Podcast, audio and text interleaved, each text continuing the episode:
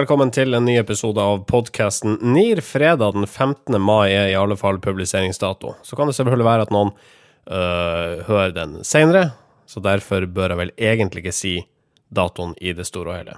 Jeg heter Marius Staulen. Jeg har med meg Marius Storkelsen og Sindre Holme i uh, Major Studio i Oslo. Hello til dere. Hello to deg. Hei, Marius. Og uh, vi uh, går rett på. Vi skal snakke også litt varm først. Og la oss se på Mannebladet FHM, altså den norske utgaven, som er konkurs. I siste utgave, som kom ut i august i fjor, så fikk abonnentene et brev sammen med bladet og brevet sa at de heretter ville få tilsendt illustrert vitenskap i stedet, dersom de ikke sa opp abonnementet. Og nå, eh, altså masser av måneder senere, så får Bonnier Media smekk på lanken av Forbrukerombudet. Ja, det er jo ikke, det er ikke helt greit å bare ta altså, like mye betalt for et helt annet produkt enn det man egentlig har kjøpt, bare fordi man ikke har klart å finne en en eh, fungerende forretningsmodell for det opprinnelige produktet. Og, det mener eh, Forbrukerområdet altså, De mener at den avtalen ikke er gyldig. på en måte. Altså, man kan ikke bare begynne å sende andre ting. Sånn, altså, hvis illustrert vitenskap går konkurs, kan man kan ikke bare begynne å sende liksom, tilsvarende sum i bananer, f.eks. Sånn, man, man, har jo kjøpt et blad uh, med nakne damer, og det er det man vil ha. Det er ikke så mye nakne damer i illustrert vitenskap. Kanskje unntatt når jo, de viser det er sånne ja, sånn Nicaragua, eller sånn Amazonas-reportasje. Ja. Ja, ja, ja, Altfor lange brystvorter på de damene. ja, sånn lange, mørke pupper. Ja. ja. Flott. Eh, Trond Juliussen, som er administrerende direktør i Bonnier, han eh, sier jo at han eh, trodde at dette var innafor i forhold til loven. Altså, bare der, bare, bare der eh, vil jeg gi han en kraftig reprimande.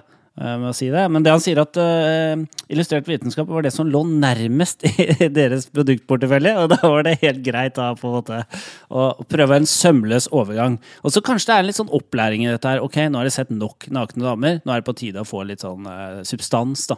Eller litt andre typer nakne damer. All right. Uh, sportsbutikken XXL i Moss beskyldes for rasisme etter arbeidsuka, der norske elever angivelig har fått en ekstra påskjønnelse minoritetselever ikke har fått. Det var 14 år gamle Anvi Elhelo som fortalte historien uh, på sin Facebook-side. Han forklarer at de etnisk, etnisk norske elevene ble samla i etterkant av arbeidsdagen og fikk utdelt et gavekort som han og noen andre ikke fikk. XXL sier sjøl de har belønna elevene etter innsats, og at de selvfølgelig selvfølgelig tar sterk avstand fra enhver diskriminering, og får støtte av rektor på Bytårnet skole, Bodil Orm. Ja, altså Den saken jeg tok jo av på Twitter og Facebook, og veldig mange ropte høyt om at dette må jo være rasisme. Eh, men eh, XXL da, har nå istedenfor å og XXL fikk jo kraftig kritikk for å håndtere dette dårlig og ikke svare på kritikken som kommer i sosiale medier. Men jeg, jeg må jo si jeg syns XXL har gjort eh, det de skal, for de gjør jo god research for å finne ut hva som egentlig har skjedd her. De har fått rektor på banen, som egentlig går, går god for den eh, måten å premiere hva skal jeg si, de, eh, de, som har vært i arbeidsuka, sier at det har ikke noe med det har ikke noe med rasisme å gjøre, det har med innsats å gjøre. De som har gjort, gjort en best innsats, de har fått mer penger enn de andre. Uh, så jeg syns det er uh, Jeg er litt lei av de sakene hvor, hvor liksom man ønsker en, en et svar på sekundet. Hvorfor, hvorfor, håndterte dere dette så dårlig? Uh, så jeg, jeg, liker jo det XXL har gjort der, da. Så var det bare tilfeldigheter, da, at de beste elevene var etnisk norsk, og de dårligste var ikke det. Altså mantra, Jeg sier ikke at alle de beste elevene er hvite, jeg sier bare at alle de hvite var de beste. Ja, altså det, det jeg syns var, var rarest, var at de måtte ga de ikke vest, eller de ikke-hvite elevene sånn stjerne de skulle ha på armen under hele arbeidsdagen. det, det hadde jeg reagert på mer enn den påkjønnelsen. Stjerne i boka, eller stjerne, ja. ja. Den ble vel Alle de hvite fikk stjerne i boka, og disse minoritetselevene de fikk stjerne på armen. Ja. Det er ikke greit, XXL. det er. Skjerpings. Ja, det var litt over streken. okay.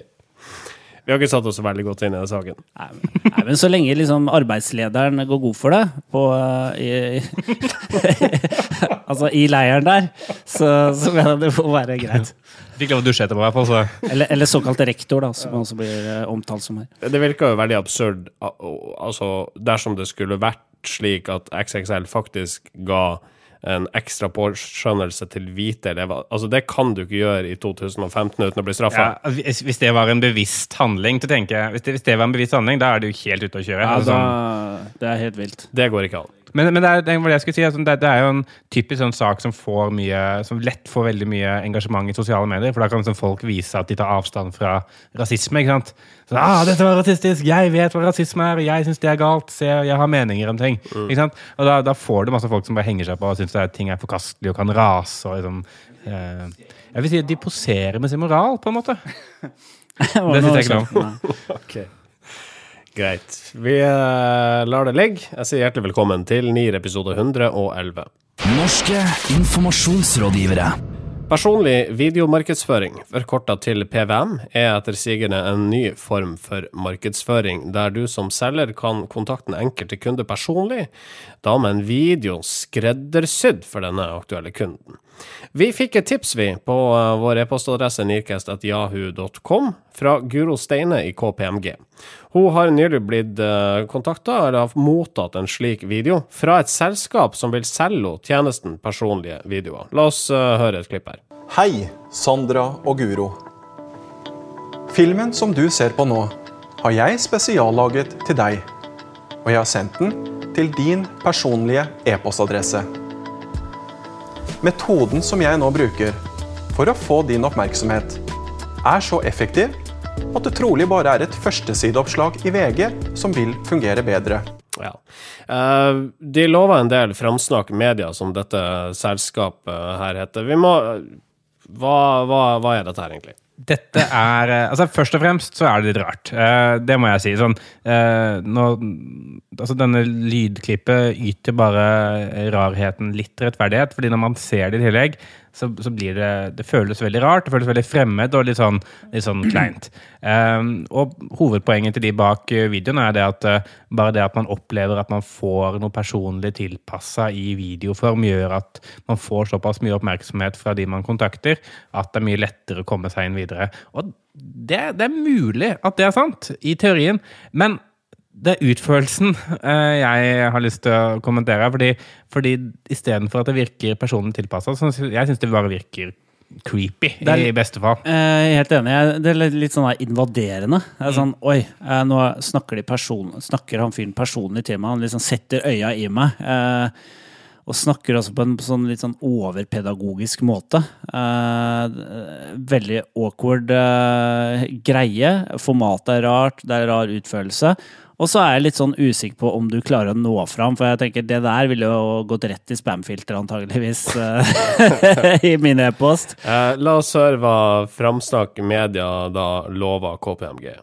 Jeg lover KPMG full oppmerksomhet fra alle som ser filmen. Full oppmerksomhet fra alle som ser filmen. Altså dette her, eh, altså Framsnakk Media vil selge personlige videoer til KPMG, sånn at KPMG kan sende disse ut til uh, de kundene de måtte ønske. Det er en interessant formulering, fordi at eh, selvfølgelig uh, får du oppmerksomhet fra alle som ser filmen på, e- på et eller annet tidspunkt. fordi man, hvis man ser filmen, så må man trykke på play-knappen, og da ser man jo. Da gir man jo oppmerksomhet. Men så er spørsmålet hvor mange er det som ser filmen? Er det som i hele tatt kommer dit at de begynner å se den? Eh, tenker jeg. Jeg, jeg, jeg, er, litt, jeg er sånn klar for å, for å allerede calle bullshit på alle påstandene til Fremskrittspartiet Media. Fordi altså, hvis den videoen de sender for å selge dette produktet, er representative for hvordan de videoene kommer til å være, så at den unisone reaksjonen Nå har jeg vist dette her litt rundt, da, bare for å se hvordan folk reagerer. Og den unisone reaksjonen er Nei! Hæ? Ja, men du, eh, hæ? altså til det så har Framsnakk Media en kommentar. Er vår neste produksjon din film? Og legg merke til du ga meg oppmerksomhet. Ja, la du merke til det, Marius Torkelsen? Du ga Framsnakk Media oppmerksomhet. Ja, og, og når han sier det, det, det er som regel da det siste latterbrølet kommer. Uh, for de Ja, som altså, ser det. jeg, jeg er også litt sånn Ok, jeg ga han oppmerksomhet, men jeg gir også seriemordere oppmerksomhet når det er, står på første side, første siden av VG. Sånn at, eh, men eh, jeg vil ikke ha noe med det å gjøre. Det er liksom det viktige her. Ja. Er det fordi at altså Dere nevnte innledningsvis dette oppleves som en smule invaderende, litt creepy. Er det fordi at vi ikke er vant med denne typen direkte markedsføring fra før? Og kan det endre seg på noe vis? Altså, vi er jo så sånn Vi er jo på en måte vant til altså det, det som går på DM da i dag, som, som, uh, hvor de, i hvert fall det står navnet ditt og sånn i øverste e-postfeltet og, og så videre, det, det, det er sånn juksepersonifisering. Eh, og det føles på en måte greit, for da, du forstår liksom at det er et system som har gjort det.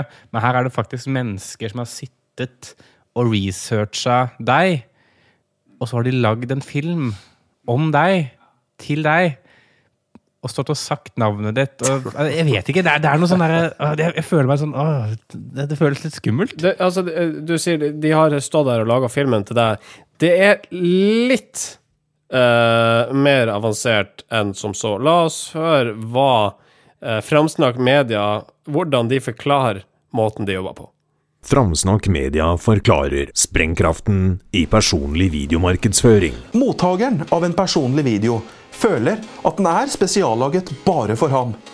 Men faktum er at vi masseproduserer gjerne 200 eller 500 filmer. Og da blir enhetsprisen lav. Først lager vi en hovedfilm basert på ditt aller skarpeste salgsmanus. Denne delen av filmen blir lik for alle mottakerne. Deretter leser vi opp alle fornavn og firmanavn fra en kundeliste. Ja, Da blir det jo ikke personlig allikevel, da. Ja, det føles som er- personlig det er- Det er Ja, ja. illusjonen av, av personlig, da. Altså, altså, altså, på en måte så gjør jo alle sånne digitale utviklingsting at det er mulig å gjøre budskap så relevant og så personlig at relevansen bør være høyere, og man får måte mer oppmerksomhet og, osv. Men det er den balansen at å ikke bikke over så, så det blir creepy. Da. Altså relevant, men ikke creepy. Det, det tror jeg, altså, hvis, hvis de hadde visst mye om f.eks. hvilke utfordringer KPMG sliter med i sitt salgsarbeid, og lagd en video som ikke var sånn Vi vet at dere sliter Nei, med dette, men bare sånn. Dette er typiske utfordringer som vi løser for dere. Så kanskje de hadde fått en helt annen inngang. En sånn Hei, Guro og Siri. Det er, det er jo litt sånn derre Jeg tenker Det er jo litt i tråd med sånn addressable, addressable media-tenkning. At du skal ha et budskap som er veldig skreddersydd og treffer veldig godt. Men det her blir altfor personlig. I, i, i, altså du kan kjenne deg altså En ting er liksom kjenne deg igjen i problemstillingen. Ja, akkurat det der sliter jeg med, så det er jeg faktisk interessert i. Men når de begynner å bruke navnet mitt, da har det gått for langt. Ja, all right. Uh, Framsnakk Media har ei Facebook-side. Den er sikkert Ja, den er faktisk ikke så nyetablert. Uh, de har vært aktive der siden 2014.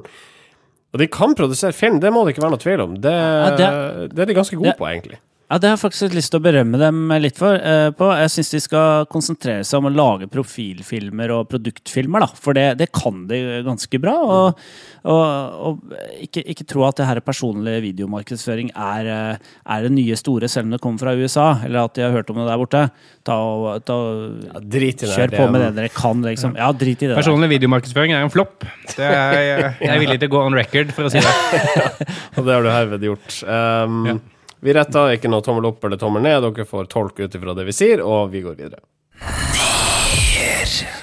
Senere i sendinga så skal vi gå nok et kommunalt slagord etter i sømmene, og vi skal få nyheter fra en ganske populær Facebook-gruppe om sosiale medier. Men først, ingen deler ut flere priser til seg sjøl enn norsk mediebransje.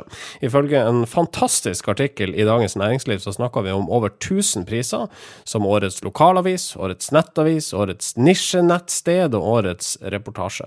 Så mange priser er det å hente at de aller fleste medier, journalister og fotografer får én eller flere på ett eller flere tidspunkt. Ja, det er eh, DNs eh, helgemagasin, eh, og, for, og journalistene Daniel Buttenschøn og Lars Bakke Madsen, godt hjulpet av forfatter og gullkornspesialist Frode Grytten, som virkelig setter fokus på dette her. Setter det i fokus? Har et stort fokus? Vet ikke. Uansett, de, de har hovedkjernen i denne artikkelen, er det med at jo mindre konkret det man gjør som bransje er, jo flere priser er det som regel. Det er veldig få priser f.eks. For, for rørleggere. Eh, fordi det er veldig konkret. og sånn, Lekker det, lekker det ikke? Ok, det lekker ikke. Vi har gjort jobben vår. Men her er sånn der, Fungerte den kreative layouten på forsiden? Eller har vi, det, har vi klart å skape brukerinvolvering for innherdringen lokalavis? Ikke sant? Og det er så veldig sånn ukonkrete ting at man føler at man trenger en ekstern påskjønnelse eller eh, validering av det man har gjort, for å føle at man gjør en god jobb. Da. Og mediebransjen har bare virkelig tatt av på dette her. Det er jo eh, Jeg vil jo eh, Jeg blir litt sånn bitter også når jeg leser det. For jeg tenker vi har ikke blitt nominert til en eneste av de tusen prisene. Eh, Noe må vi gjøre galt. Men jeg må jo si eh, mediebransjen er eh, Ja, de er veldig glad i å hylle seg selv og pompøse og alt dette her. Eh, Men jeg må jo si at reklamebransjen og mediebransjen på vår side av bordet, da, altså vi som eh, jobber med markedsføring, vi er ikke så gærne vi heller. Eh, Nå så jeg tre splitter nye konferanser og dertil prisutdelinger innen content marketing bare nå i mai og juni. Så jeg tror faktisk hvis man teller opp Hvis noen i hele tatt har tid til å telle opp, så tror jeg faktisk vi overgår de tusenprisene. Tror det er enda flere, faktisk. Hva skyldes det, dette suget etter eh, eh, å få priser og dele ut priser? Det er fordi at det er en måte Det er en markedsføringsmetode. Altså det å få en pris, det gjør at du kan uh, bruke det uh, for å skryte av ditt eget produkt. Ellers er det veldig vanskelig å skryte, skryte av liksom kampanjer man har lagd, eller eh, produktet sitt. For hvis man kan få noen andre til å gi deg en pris, så kan man si ja, de ga oss en pris, derfor er vi en kjempegod avis. Selv om ingen leser oss lenger, eh, og selv om eh, ingen orker å se reklamen vår, så er det allikevel bra. Det vi ofte ser også etter at priser er utdelt, er at avisene bruker en del tid og spalteplass på å skryte av seg sjøl. Og hver gang jeg ser en, en artikkel, f.eks. sånn VG gikk til topps her og VG gikk til topps der, så undrer jeg er det mynta på meg som leser, eller er det her mynta på de som faktisk jobber i avisa? For er dette her veldig interessant for leserne? Det er jo sånn, det er sannsynligvis mye intern stolthet. Eh, jeg tror det er et godt poeng. Eh, men samtidig så, så er det også en sånn der betrygge leserne på at de leser et bra eh, redaksjonelt produkt, eh, og at, eh, at VG leverer masse bra ting og vinner eh, flust av gode ting for den fantastiske dekningen de har. Eh, og, og det er en sånn derre på en måte så, så har man kanskje blitt så vant til det som mediehus at man må skrive saker hver gang man vinner noe, at man ikke tenker over det lenger. Men for leseren så blir det veldig sånn Ja, se, vi er flinke! Vi er flinke! Vi er altså, se, da! Se hvor flinke vi er! Og så blir han sånn Ja, men hvorfor må du fortelle meg det hele tiden? Så kan dere ikke bare sånn, lage bra saker? Det er jo, én pris eh, en, eh, for, eh, for journalistene som er viktigere enn alle andre, og det er Scoop, og det er den store journalistprisen.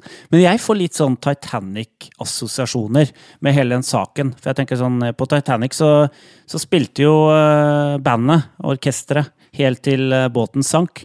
Og her er det litt sånn som her fester vi og jubler over priser helt til bransjen er nedlagt. Det er litt sånn uh, Det er noen uh, paralleller der, syns jeg. Og, og, og, så, og så syns, jeg det er Og så, så synes jeg det er eh, sånn tydelig at det er en del som har skodd seg på det, bare vite at eh, mediebransjen er så usikker at de trenger priser. Det er, det er en østerriksk eh, pris som eh, heter European Newspaper Awards, hvor alle kan melde seg på å nominere. Det koster sykt mye penger per nominasjon, og de deler ut over 100 Nei, de, de deler ut over 500 mediepriser i 45 kategorier, og i enkelte av kategoriene så er det over 30 vinnere.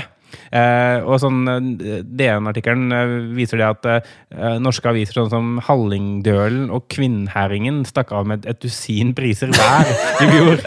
Og både Bergens Tidende og VG forsynte seg grovt eh, i denne konkurransen. Eh, og han, eh, han som står bak denne prisen, heter Norbert Kupper, han sier at liksom, det norske aviser er helt sånn vilt interessert i å, i å vinne priser. Og jeg tror det at liksom, Hvis man bare opprettet en pris og kalt den et eller annet europeisk, så driter de som vinner den i om den er offisiell eller ikke, så lenge de kan si at de har vunnet en pris. Det føler jeg er akkurat det samme i PR-bransjen. Hvis man kan melde seg på et eller annet i utlandet som heter noe sånn European eh, Awards Show, og komme hjem med en pris. Er det ingen som, i kampanjeredaksjonen som gidder å sjekke hvorvidt den prisen er, har validitet eller ikke? De bare 'Norsk PR-byrå vant for beste europeiske Vant i utlandet. kampanje». Ja. Blant Europas beste. Sånn, Men ingen På høyde med det beste i utlandet. fordi når, når man nominerer seg selv, da, så, så faller alt sånn litt på stengrunn. Fordi Ja, altså, Med mindre alle nominerer seg, så blir det jo ikke en fair konkurranse. på en måte. Ja, Er det sånn, liksom, ja. All right. Um, Gard Michaelsen i Medier24 han fulgte opp denne DN-artikkelen med uh, en meningsspalte hvor han kommer med følgende oppfordring. Uh, det er på tide å sette seg ned og snakke sammen, og f.eks. bli enige om drastisk å redusere antallet priser. Det kan vi kanskje stille oss bak. Enten det, eller man bare kan begynne å kjøpe priser. da, så Man slipper liksom, at man bare sender ut Det fins jo pokalbutikker ja, men En slags, eh, sånn en slags, slags sånn kommunistisk modell hvor hvert mediehus får tilsendt fire-fem priser i ulike kategorier hvert år. Mm. Eh, og Så kan de bruke det, sånn, så slipper de å bruke tid på å møte opp på konferanser og sende inn nominasjoner. Bare sånn, sende ut liksom, et jevn fordeling, så alle Ja. får litt. Så gjør det, da. Ja, gjør det. Norske informasjonsrådgivere. Arendals Bryggeri har nylig lansert lettølet Kjøre pils. Dette reagerer selvfølgelig Motorførernes avholdsforbund på. Jeg må bare skyte inn her at forbundet nå kaller seg for MA, uten egentlig å forklare på nettsida hva bokstavene står for. Så da er det vel ikke lenger en forkortelse, men et navn. Altså MA. Eh, og de, de reagerer da på Arendals Bryggeris Kjøre pils. Generalsekretær Elisabeth Christoffersen der borte mener dette er en uheldig og spekulativ kobling mellom rus og bilkjøring. Det er jo et eh, Det er jo to problemer her, eller to ting å diskutere. Og det er jo å navngi en pils eh, Eller det er jo grafisk designet, et pilsflaske på en måte sånn at det står 'kjøre pils' i to ord. Og det andre er å kalle en eh, alkoholfri pils for kjørepils. Ja. La oss begynne med det grafiske her. Jeg tenkte, altså Min mening er at hvis Arendals Bryggeri insisterer på å skrive kjørepils, da respekterer vi navnet kjørepils. Og Ja. da er det det de mener. Og da blir det jo ikke kjørepils, det blir Nei. noe helt annet. Så da er ikke det egentlig noe å diskutere. Ja, for Da er det mer en, en pils for de som frakter. Ja. Nei, altså du, du kjører rundt i en pils. Det er sånn jeg tolker det. Og Ja, men det er også, altså Hvis det er dialekt, da, sånn Hva gjør du? Jeg kjører pils. Ja. Sånn, for, for nordlandske transportmedarbeidere så funker det også som en uh... Det er jo et uh, snevert produkt, sånn sett. Det er for de som kjører pils til daglig. Altså det er transportarbeidere. Uh, og, men Norgesgruppen tolker jo dette sitt eget produkt som en pils man kan drikke før man skal kjøre bil. Eh, og det er jo noe helt annet enn det vi tolka det som. Men uh, så, så, så spørsmålet er om skal vi, skal vi tolke det som en pils man kjører før, uh, skal drikke før man skal kjøre bil, eller er det en pils man kan kjøre? Ja, fordi jeg, jeg lurte på, hvis vi ikke skal være altfor kverulantete, da, eh, så, så lurte jeg på om altså, Er ikke kjørepils en, når du bare drikker én øl med Jo. vanlig alkoholprosent før du skal kjøre? Jo, ikke Det er sant? liksom det, det, det, det, det er den andre tingen her. Altså, dette med kjørepils, eller styrepils, eh, som jeg også har hørt at dette her er relativt innarbeida begreper. Uh, altså, jeg kan ta en styrepils rett og slett fordi at jeg skal kjøre hjem etter middag. Ja, ikke sant? Altså, jeg eh, Altså, de sier Det er jo ikke noe alkohol i den pilsen her, så det må jo være helt greit Uh, å kalle dem for uh, kjørepils, eller at, at det er en pils man faktisk kan drikke eh, før man skal kjøre bil. Så jeg skjønner jo Altså, jeg tenker sånn Motorførernes avholdsforbund Det er litt sånn De leter med lupe etter ting de kan henge seg opp i. Endelig en sak. Å, faen, det var ikke alkohol, nei. Men allikevel, det er ikke bra nok. Er du sikker på at det, gærlig er du sikker på at det, det, dette forbundet her, MA, som leter med lupe, eller er det sånn at NRK Hordaland har leita med lupe etter noen som kan være kritisk til kjørepils? Ja, det, det er sannsynligvis Den mer sannsynlige forklaringen er jo det at noen noe, en journalist har sett dette i butikken, tatt et uh, bilde og ringt uh, Ma. Hva synes dere om dette her? Eh, syns dere det burde hete kjøre pils, eller du må aldri drikke og kjøre pils, pils? Ja, det er, godt, eh, det er en god teori. En, En eh, litt snodig her er jo faktisk at det er NRK Hordaland da, som, eh, som ikke er i, i distriktet til Arendals Bryggeri, som har tatt saken. Uh, og det, det vil jo si at eh, NRK Agder, som burde ha tatt saken, de har altså ikke syntes det har vært noe sak. Nei. Nei. Men men jeg, jeg, jeg lurer litt på altså, Hvis de skulle Ifølge MA-sjefen så er det, altså, det største problemet er det at man bruker ordet pils. Uh, Kjøre i seg selv er man ikke problemet, men siden sin pils er en assosiasjon til alkoholholdig drikke, så, burde, så, så er det feil. Da. Så man, hvis man hadde kalt det kjøredrikke, eller kjørevæske, Ja, spylevæske. spylevæske, da hadde det vært greit, sannsynligvis. Men altså, at de kaller det kjørepils, er etter vårt syn ikke noe problem, all den tid det faktisk Og da vil ikke å der for mye. Uh, dette her er en pils du kan drikke, og så kjøre bil. Ja, ikke sant? Og, og jeg lurer jo på hva Jeg lurer alltid på, sånn, på hva man frykter at skal skje, da. Er Sånn derre jeg, jeg mente selvfølgelig at det var galt å drikke og kjøre, men så så jeg denne alkoholfrie ølen som sa putta kjøre og pils i samme ord, og siden det så har jeg vært positiv til fyllekjøring. Sånn, Jeg assosierer assosierer pils med kjøring, så når jeg drikker nordlandspils for eksempel, så kjører jeg alltid en tur etter det. mm, det var en helt fremmed assosiasjon for meg før. Eh, Men tenk på for en sånn organisasjon, da, som jo er veld, veldig opptatt av å fronte sin sak, så er det sikkert også vanskelig å si nei til å kommentere en sak og få fram sitt budskap. Ikke sant? For de kunne jo sagt nei, dette er ikke problematisk. Ja, Motorførernes avholdsforbund syns ikke det er noe problem med kjørepils. Ikke sant? Altså, Så det kommer er et noe- nytt forbund det er nesten- plutselig. Ja. Men kan det ikke, altså, kan det ikke skade et forbund som, uh, forbund som MA, uh, det å være kritisk til kjøre pils når det er Når vi faktisk har reelle problemer med uh, bilister som kjører i rus, men som ikke uten videre kan linkes til lettøl? Det skader dem jo mer at man ikke vet at de eksisterer. Jeg hadde ikke peiling på at dette fantes engang før jeg så denne saken. Så om ikke annet har de i hvert fall fått oppmerksomhet rundt at de eksisterer. da. Eh, og så vet man ikke. De er anti-øl og kjøring. Og det Altså- kan jeg jo støtte, på en måte. Ja, men Ja, men jeg, jeg er enig, men jeg tror at det er litt vanskeligere. Du skal være litt smartere som kommunikasjonsrådgiver for å på en måte eh, uttale deg riktig om det her. Her burde det egentlig bare stått på bryggeriet sin side og sagt at dette er helt i orden. Og det, det er jo uh, hyggelig å se at noen lager et produkt som, uh, som, er null, som ikke er farlig å drikke i det hele tatt før man kjører bil. altså, hadde bryggeriet vært litt smart, så hadde jo alliert seg med dem i forkant. Ikke sant? Nå Ja. vi utvikler dette produktet, vært verifisert av Ma. Ja. Det har vært fantastisk. Ja, det har vært helt utrolig. Ikke sant? Nå tar vi det begrepet og gjør det til vårt eget. Ja, så gjør det til noe ufarlig nå. All right. Tommel opp eller tommel ned for kjøre pils fra Arendals bryggeri? Tommel eh, opp Jeg vet ikke. Eh, Tommel ned for Ma, i hvert fall. Eh, Kjøre pils. Ja, tommel ned for Tommel, tommel ned for reklamebyrået, eller designeren som har lagd etikettene med eh, orddeling eller særskriving. Eh, tommel opp for, for, for navnet, eh, som jo er litt fiffig, syns jeg. Siste nytt fra Facebook-gruppa Smått og stort om sosiale medier på 60 sekunder. Hei og velkommen til siste nytt fra Facebook-gruppen Stort og smått om sosiale medier i Norge på 60 sekunder. Jeg er Marius Torkelsen. Valg av riktig hashtag blir stadig viktigere for foreninger.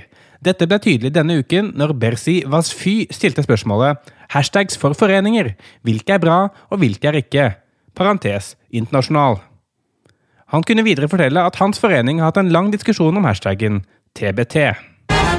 Er det én ting som irriterer deltakerne i Facebook-gruppen Stort og smått om sosiale medier i Norge, er det virksomheter som ikke følger Facebooks regelverk i forhold til konkurranser.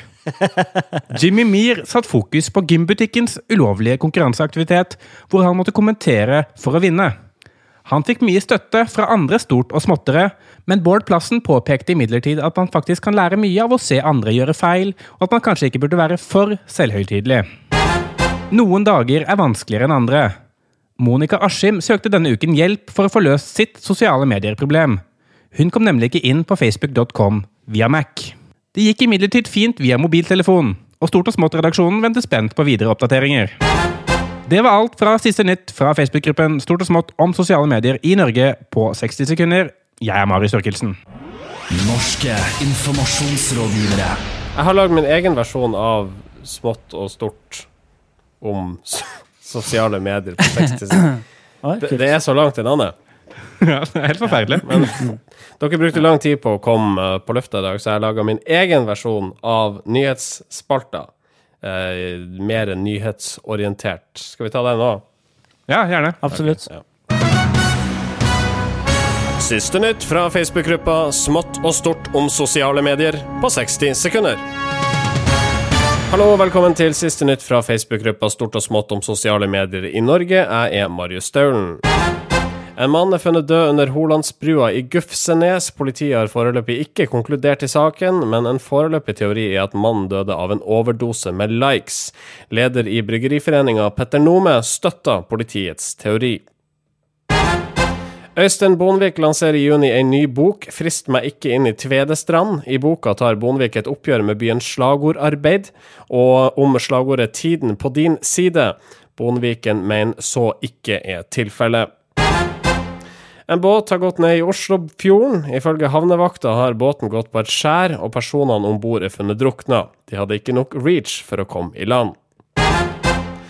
Og vi tar til slutt med at Tusenfryd holdt stengt denne sommeren etter at de ikke fikk beskjed fra publikum om at det faktisk var et ønske om å holde parken åpen i år.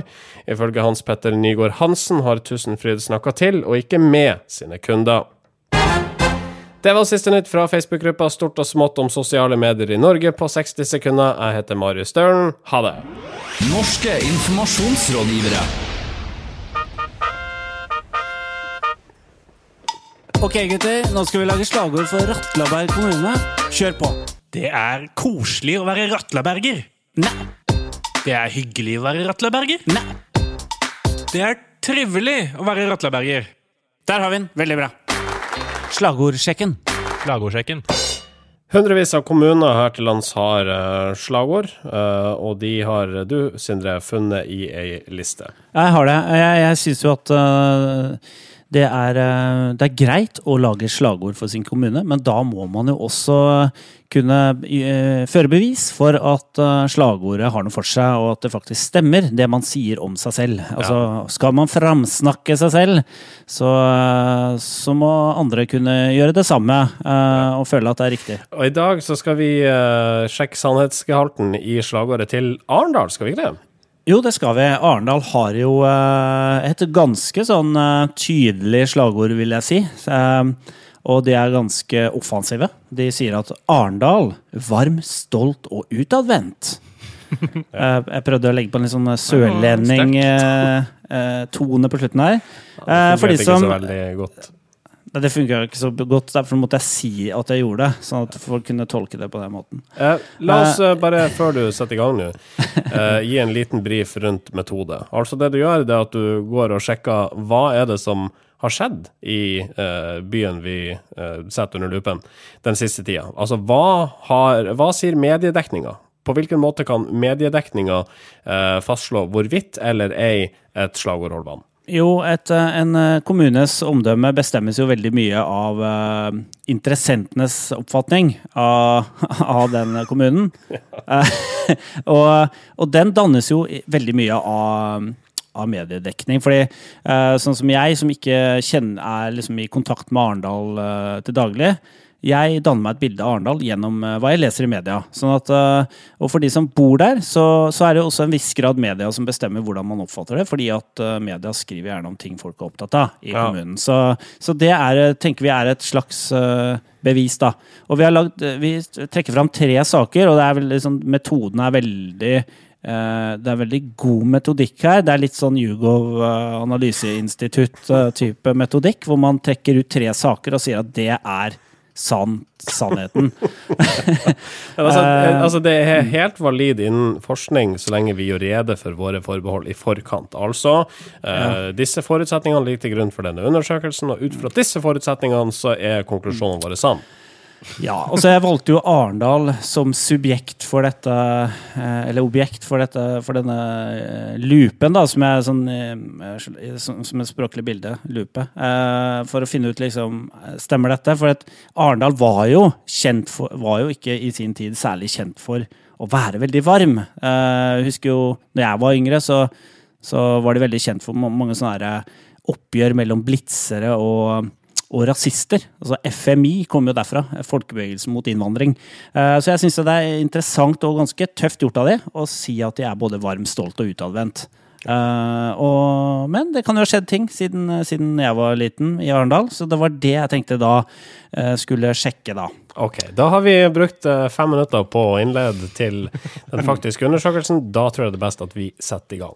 Ja, jeg er veldig flink til å innlede, men kanskje ikke så god på gjennomføre. Nei, vi begynner med første sak. Arendal melder seg mot korrupsjon, skriver Arendals Tidende. Uh, og det er Harald Danielsen, som er rådmann, uh, som har foreslått uh, for kommunestyret at de skal melde seg inn i Transparency International, selv om det da koster 25 000 kroner i året å være medlem der. Eh, Harald Danielsen sier at eh, eh, forslaget springer ikke ut av noen mistanke om korrupsjonslignende forhold i kommunen. Men det er et vedvarende fokus, fordi det er mange ting å rote seg inn i hvis en ikke er bevisst, sa eh, Danielsen til Arendals Tidende. Og det er jo en sak som viser at Arendal i hvert fall ønsker å være eh, Eh, og kanskje vi kan si at det er et forsøk på å være utadvendt. Jeg vet ikke. I hvert fall uh, ikke innadvendt, da. Uh, så er liksom det varmt, stolt og utadvendt, syns dere? Konkludere til slutt. Ja, men altså, sak for sak, så jo da, jeg kan tilskrive litt utadvendthet til det ønsket om å være med i denne Transparency. Altså, det er jo ønsket om å invitere noen inn og si at vi, dere kan se inn hos oss. Ja. Det er en sånn lettvint løsning hvis det faktisk er korrupsjon. Ja, vi betaler disse 25 000 i måneden i året. Så later vi som alt er i orden. Arendal, suspekt. All Går vi litt tilbake, går vi litt, eh, litt tilbake i tid, så kan vi lese eh, i VG at eh, Arendal blir første kommune som innfører tiggerforbud. Vi vil ikke legge til rette for den kriminelle virksomheten som kommer i kjølvannet av tigging. Dessuten er det ikke positivt for tiggerne. De låses inne i en håpløs situasjon, sier Torbjørn Nilsen i Frp. Hvor varmt det er. Han er sikkert veldig stolt av byen sin. Da, som man vil ikke at liksom, Han fattige folk skal skitne til skitne til byen. Så, sånn, så, sånn sett så svarer det til stolt. Vi er så stolte av byen at vi vil ikke ha tiggere her. og Samtidig så undergraver det varm ganske mye. Ja, det er altså varm og stolt, det er to motsetninger her. Det er Gjensidig utelukkende. Vi har en tredje, okay. vi har en tredje, vi har en tredje sak her, og det er Arendals Tidende, eh, som melder at kommunen skal slå leir på Salterød senter en gang i måneden fremover for å gjøre sine tjenester mer tilgjengelige for folk øst i kommunen. Vi kommer til å være til stede en gang i måneden, unntatt sommerferien, sier eh, Talsethagen, som jobber i kommunen, og oppfordrer alle som har spørsmål om en byggesak eller en reguleringsplan, om å ta kontakt med dem. Og det er jo et eh, flott tiltak av kommunen, eh, men er det varmt? Er det raust? Eh, Nei, det er jo et ikke- slags utadvendt ting. da, for Sånn at Vi kommer til dere fremfor at dere må møte opp på kommunehuset og få vite ting. Så vi går ut på kjøpesenteret der dere er. Eh, Og litt varmt òg, hvis de da serverer kaffe, f.eks. Wienerbrød og sånn. Det sto det ikke noe om. Nei, Nei. men eh, Jeg skjønte at det selvfølgelig var en spøk, men jeg vil tro at det er den metaforiske varm vi snakker om i slagordet. Ja, det, jeg, jeg kan strekke meg til å tenke at Arendal er stolt og utadvendt. eh, Ja. Men mm. varm, det føler jeg kanskje man bør fjerne. Det er det i hvert fall ikke ført bevis for eh, tilstrekkelig i denne spalten. Ja, det er jo det tiggerforbudet da, som ødelegger hele Ødelegger for kommunen her, egentlig. Det er off-brand, vil jeg si. Ja, ikke sant? Det er bare Det er ikke vår tone of voice. Hvis det hadde vært sånn Ja. Arendal vil gjerne at alle tiggerne i Norge skal flytte dit. Vi har Ja, nok da- penger til alle, sier ordfører. Ikke sant? Eh, all right. Nei, men da har vi eh, konkludert. Uh, Arendal stolt og utadvendt. Ja. Nå skal vi uh, videre, og vi skal ha ukas kudos. Ukas kudos. Som går til uh, turistforeninga i Puerto Rico. Hvorfor det? Jo, fordi de har gjort en, eh, en smart aktivitet uh, gjennom uh, noe man kan kalle for newsjacking, eller viral newsjacking, litt avhengig av hva man velger. Og det er fordi, for å sette sette det i kontekst, så var det en viss Kevin Blantford som vant en reise sammen med 199 andre kolleger. En reise da til Puerto Rico. På denne reisen fikk han dessverre ikke lov å ta med seg sin eh, kone eller kjæreste og sitt relativt nyfødte barn, som han jo gjerne ville hatt med. Eh, og det gjorde det at eh, ferien hans ikke ble så bra som han hadde håpet den skulle bli. Og måten han løste det på, var å lage verdens tristeste feriealbum. Han tok bilde av seg selv med å gjøre alle typiske ferieaktiviteter, som snorkling og spise på restaurant osv., men med et veldig sånn surt eller trist ansiktsuttrykk. Alene. Helt aleine, helt forlatt uh, i Puerto Ricos eh, blå sjø. Uh, og dette, dette albumet gikk viralt fordi det var sånn morsomt og artig og samtidig litt fint at han savnet kjæresten sin osv. uh, og nå har Puerto Ricos uh, turistforening valgt det å fly Kevin og kjæresten og deres nyfødte barn ned til Puerto Rico for en superferie. Og de remaker jo da på en måte de bildene han allerede tok, og bare putter da inn eh, litt mer glede og litt eh, mer familie i de samme bildene. Det er utrolig flott gjort. Det er jo, det er jo fine plasser han besøker, men det er klart, det, det, du får ikke fram hvor fint det er når eh, han ser så trist ut. Det blir litt stusslig når han står med, ved en sånn scuba diver-båt helt alene med snorkel og svømmebriller i T-skjorta og ser rett og slett kjempetrist ut der han er helt alene i Puerto Rico. På- Jeg syns det er veldig fint, samtidig så er det litt sånn der ilandsproblem-tematikk òg, som gjør det litt sånn eh, ekstra interessant. For han er jo sammen med en haug med, med kolleger, så han hadde det sikkert sykt morsomt uh, på denne ferien, selv om han da ikke fikk ha med seg kone og barn. Ja, men han, f- men han fikk en ferie til. Det er bare, det er smart det der, og de virksomhetene som er såpass eh, fleksible at de klarer å hoppe på en måte, trender som oppstår. Eh, og selv om det nå har gått en måned siden dette skjedde, da, så er likevel eh, det er godt tenkt av Puerto Rico turistforening. Og det er bra at de klarer å eksekute det på en bra måte og faktisk få flydd folk ned og ta bilder og lage. Altså, det, er, det er smart tenkt, og det, er- det er morsomt, og det gjør at man eh, får litt mer oppmerksomhet eh, knyttet til Puerto Rico. All right, kudosen går til uh, turistforeninga der nede. Uh, gratis. Norske informasjonsrådgivere. Det drar seg mot uh, slutten igjen, og denne helga her er det 17. mai. Og dessverre så er det altså sånn at den 17. faller på en søndag, og det, det, det er få ting i landsproblem for øvrig som irriterer meg mer enn når røddager havner på dager som allerede er fri. Tenk hvis Kristi himmelfartsdag kunne havna på en fredag og 17. mai på en mandag. Hæ? Det hadde Vært vilt. Helt rått. Men da hadde eh, antageligvis eh, ikke Kreativt Forum skrevet på, om dette er før på tirsdag. Men eh, Det kan det hende de fortsatt ikke gjør. Men eh, vi håper jo at de er på jobb eh, Ja, det blir jo veldig meta, men Veldig meta. Så jeg tror vi dropper det. Vi bare sier uh, hei.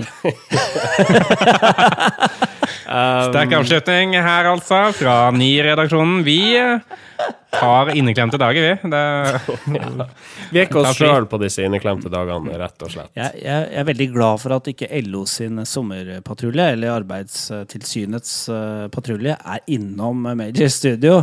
Eh, for da får de se rett og slett overtidsjobbing, eh, ja, som er kritikkverdig, rett og slett. Ja, ja, ja. Eh, og til dere langhelgelystne så er det én mulighet til nå i mai, og det er da i neste uke, for da er det pinse, og da blir påfølgende mandag, altså den 25. mai, fri. Nå føler jeg at vi beveger oss litt inn i lokalradioens domene, så jeg tror at vi setter, setter noen streker. Du finner oss på facebook.com slash nearcast. Der kan du også høre på alle episodene våre. Vi har eh, inkorporert en player der. Du sender oss en e-post, nirkast.jahu.com, eller hør oss i iTunes og eller soundcloud.com slash nirkast. Og husk, du ga meg oppmerksomhet. never forget. Vi høres igjen om en uke. Ha det. Ha det! Norske informasjonsrådgivere.